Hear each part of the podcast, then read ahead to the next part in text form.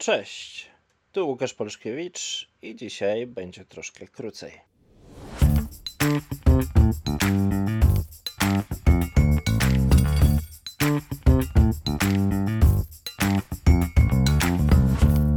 Dzisiejszy odcinek to tak zwany short. Mamy w planach robić takie shorty, kiedy dostaniemy od Was odpowiednio dużo pytań. I tym razem po naszym głównym odcinku pytaliście o MUDę w projektach. Projekt jako tymczasowa organizacja, która ma na celu dowieść unikalną wartość, nie jest wolna jak żadna organizacja od marnotrawstw. No, pierwszą taką marnotrawstwem, która od razu przychodzi do głowy, to jest właśnie ósma muda, czyli marnotrawienia potencjału ludzkiego. Bardzo często zamiast zapytać zespół o radę, o drogę, o rozwiązanie problemów, project manager staje się taką matką czy ojcem i raportuje za zespół, właśnie estymuje za zespół. To prowadzi do tego, że zespołu nie rozwijamy, nie jest też zespół odpowiedzialny, nie czuje tej odpowiedzialności za swoje słowa, czyny, za pracę, za to, że ponieważ oni nie estymowali, no to dlaczego mieliby dowieść w tym terminie? I ta muda rzeczywiście jest bardzo widoczna, patrząc nawet z boku. No ale zobaczmy, czy cały Team Wood też jest obecny. Zaczynamy od transportu. Weźmy nawet e, ocenę ryzyka. Jedna z odpowiedzi na ryzyko typu zagrożenie to jest transfer. Transfer, czyli na przykład jako taka sztandarowa, sztandarowy przykład, mówi się o tym, że wykupujemy ubezpieczenie. I rzeczywiście transferujemy ryzyko związane z kosztem, jeżeli coś pójdzie nie tak, jeżeli nie wiem, spowodujemy jakąś szkodę naszemu klientowi, ubezpieczyciel wypłaci pieniądze. Tylko co tak naprawdę zyskaliśmy oprócz właśnie tego bezpieczeństwa finansowego, bo projekt i tak nam się opóźni. E, klient będzie niezadowolony i tak naprawdę z punktu widzenia całej organizacji no nic się nie zmieniło, po prostu nie dowieźliśmy zadowolonego klienta. To była pierwsza muda. Lecimy dalej. Inwentory. I tutaj od razu wpada błąd estymowania, który się nazywa z angielskiego padding. Mówiąc po polsku, to jest dmuchanie estymatów. Kolejny raz duży wpływ ma tutaj inżynier czy menadżer projektu, który zarządza zespołem w konkretny sposób i uczy ich konkretnych zachowań.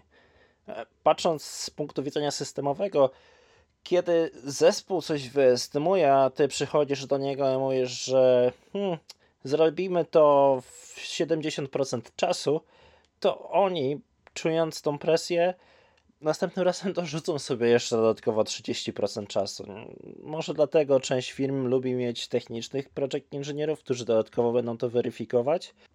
Ale czy to jest najlepsze rozwiązanie, żeby project manager był specjalną wszystkiego? Myślę, że raczej warto skupić się na tym, żeby uczyć coraz lepszych estymatów, żeby pokazywać tą stronę biznesową zespołowi, bo znowu to rozwija zespół, to buduje zaufanie, wzajemne zrozumienie. I myślę, że to jest dużo lepsze z punktu widzenia systemowego podejście niż właśnie obcinanie, bo klient potrzebuje. Kolejną mudą jest movement. Tutaj z punktu widzenia organizacji to mogą być zmiany layoutu, z punktu widzenia zespołu to mo może być zmiana składu osobowego zespołu. To powoduje, że konieczne są dodatkowe akcje, których nikt nigdy nie planował, jednocześnie nie przynoszące wartości dla klienta. Cóż, należy je minimalizować. Nie ma tutaj chyba innego rozwiązania. Kolejna muta to waiting.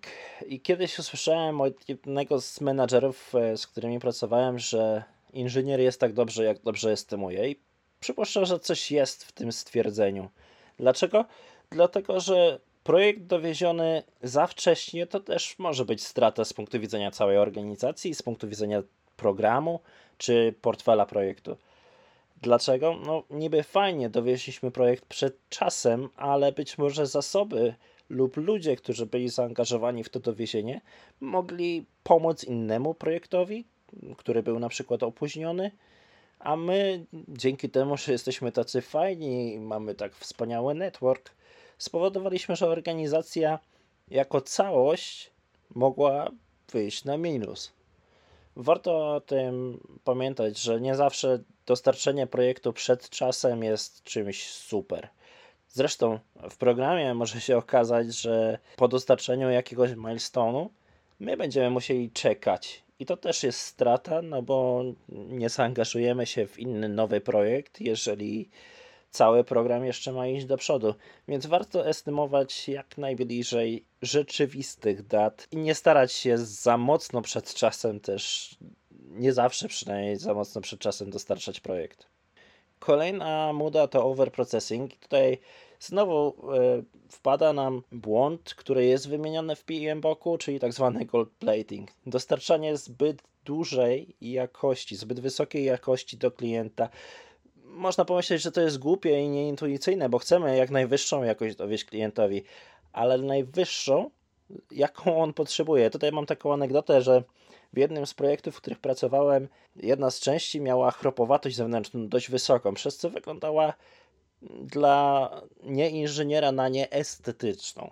No problem polega na tym, że ta wysoka chropowatość była potrzebna z punktu widzenia funkcjonalnego dla całego zaworu. Natomiast operator maszyny CNC stwierdził, że on może tą maszyną zrobić dużo lepszą powierzchnię i zrobił ją. Problem polega na tym, że ta część, e, kiedy doszło do testów, zatarła się, bo właśnie te wyrowki były potrzebne, żeby rozprowadzać olej. Istnieje coś takiego jak zbyt wysoka jakość i gold plating to jest coś, o czym warto też mówić naszym zespołom, żeby mieli tego świadomość.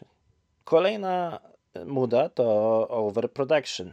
Tutaj przychodzi mi na myśl, kiedy mamy już budżet, mamy go nawet więcej niż zakładaliśmy, bo właśnie na przykład ktoś zrobił padding, a stakeholderzy nie obcięli go wystarczająco mocno. Stwierdzamy, że a kupmy więcej części, bo będą jakieś ryzyka, bez analizy ryzyka, bo coś się może wydarzyć później. Ale rzadko kto weryfikuje hipotezę odwrotną, czyli co jest bardziej kosztowne: zakup dodatkowych części, czy oczekiwanie na te części, kiedy rzeczywiście to ryzyko się zmaterializuje. Bo może się okazać, że te części zupełnie będą dla nas nieprzydatne. I tak jak w odcinku głównym, tutaj też mógłbym polecić wykorzystanie narzędzia, którym jest drzewo decyzyjne, które na pewno Wam kiedyś opiszemy. No i ostatnia muda to defekty. Błędy w projektach będą się pojawiać. Dostarczamy coś unikalnego, co wiąże się z ryzykiem i tak naprawdę przecieramy szlaki. Dobrze jednak, jeżeli z naszych błędów wyciągamy wnioski. Jeżeli pojawiają się lessons learned, jeżeli pojawiają się jakieś rozmowy na retro, akcje, które wdrażamy, jeżeli pojawiają się standaryzacje, guidelines, jeżeli pojawia się nowa wiedza plemienna, tak zwany tribal knowledge, to wszystko w porządku. Trzeba to przewidzieć, trzeba mieć jakiś budżet właśnie na takie ryzyka związane z defektem, z błędem ludzkim, z błędem produktu, weryfikacją założeń, ale warto pamiętać o tym, że kiedy takie błędy się pojawiają, to mówmy o tym, nie chowajmy ich pod dywan, bo znowu cała organizacja na tym traci. Bardzo mi się podobają eventy, które są organizowane we Wrocławiu, e, które nazywają się Fuck Up Nights i powiem Wam szczerze, że z nich można nauczyć się więcej niż z niejednej konferencji branżowej. Dlatego, że ludzie właśnie mówią o tych błędach, o tym jak się potknęli, na czym się potknęli i dzięki temu Wy możecie tego uniknąć. Podsumowując, tak jak wspomniałem na początku, projekt to jest pewnego rodzaju tymczasowa instytucja i jako instytucja te mudy będą się pojawiać i nie jesteśmy w stanie ich wyeliminować całkowicie. Należy jednak zwracać na nie uwagę. I tam, gdzie możesz, usprawniać swoje procesy, usprawniać swoją wiedzę, swój zespół i myśleć troszkę bardziej lean na co dzień. Niezależnie od tego, czy pracujesz w IT, automotywie, aerospace, czy może jeszcze jakiejś innej branży. Myślenie lean na pewno pomoże. Lean jest też agile, a Scrum to nie koniec świata. A zresztą w Scrumie mudy też będą się pojawiać, więc warto myśleć lean, nawet jeżeli pracujecie w Scrumie. A myślenie lean to też e, sposób na bycie bardziej zwinnym w organizacjach, w której tej zwinności nie ma. Myślę, że jest to dobry początek. To tyle, co miałem na dzisiaj dla Was przygotowane w odpowiedzi na Wasze pytania. Mam nadzieję, że się podobało i jak zwykle prosimy o zostawianie pięciu gwiazdek na iTunes, odwiedzanie naszych portali społecznościowych i przekazywanie tych odcinków, które dla Was nagrywamy swoim znajomym. Dziękuję, że wysłuchaliście ten odcinek do końca i do usłyszenia. Cześć!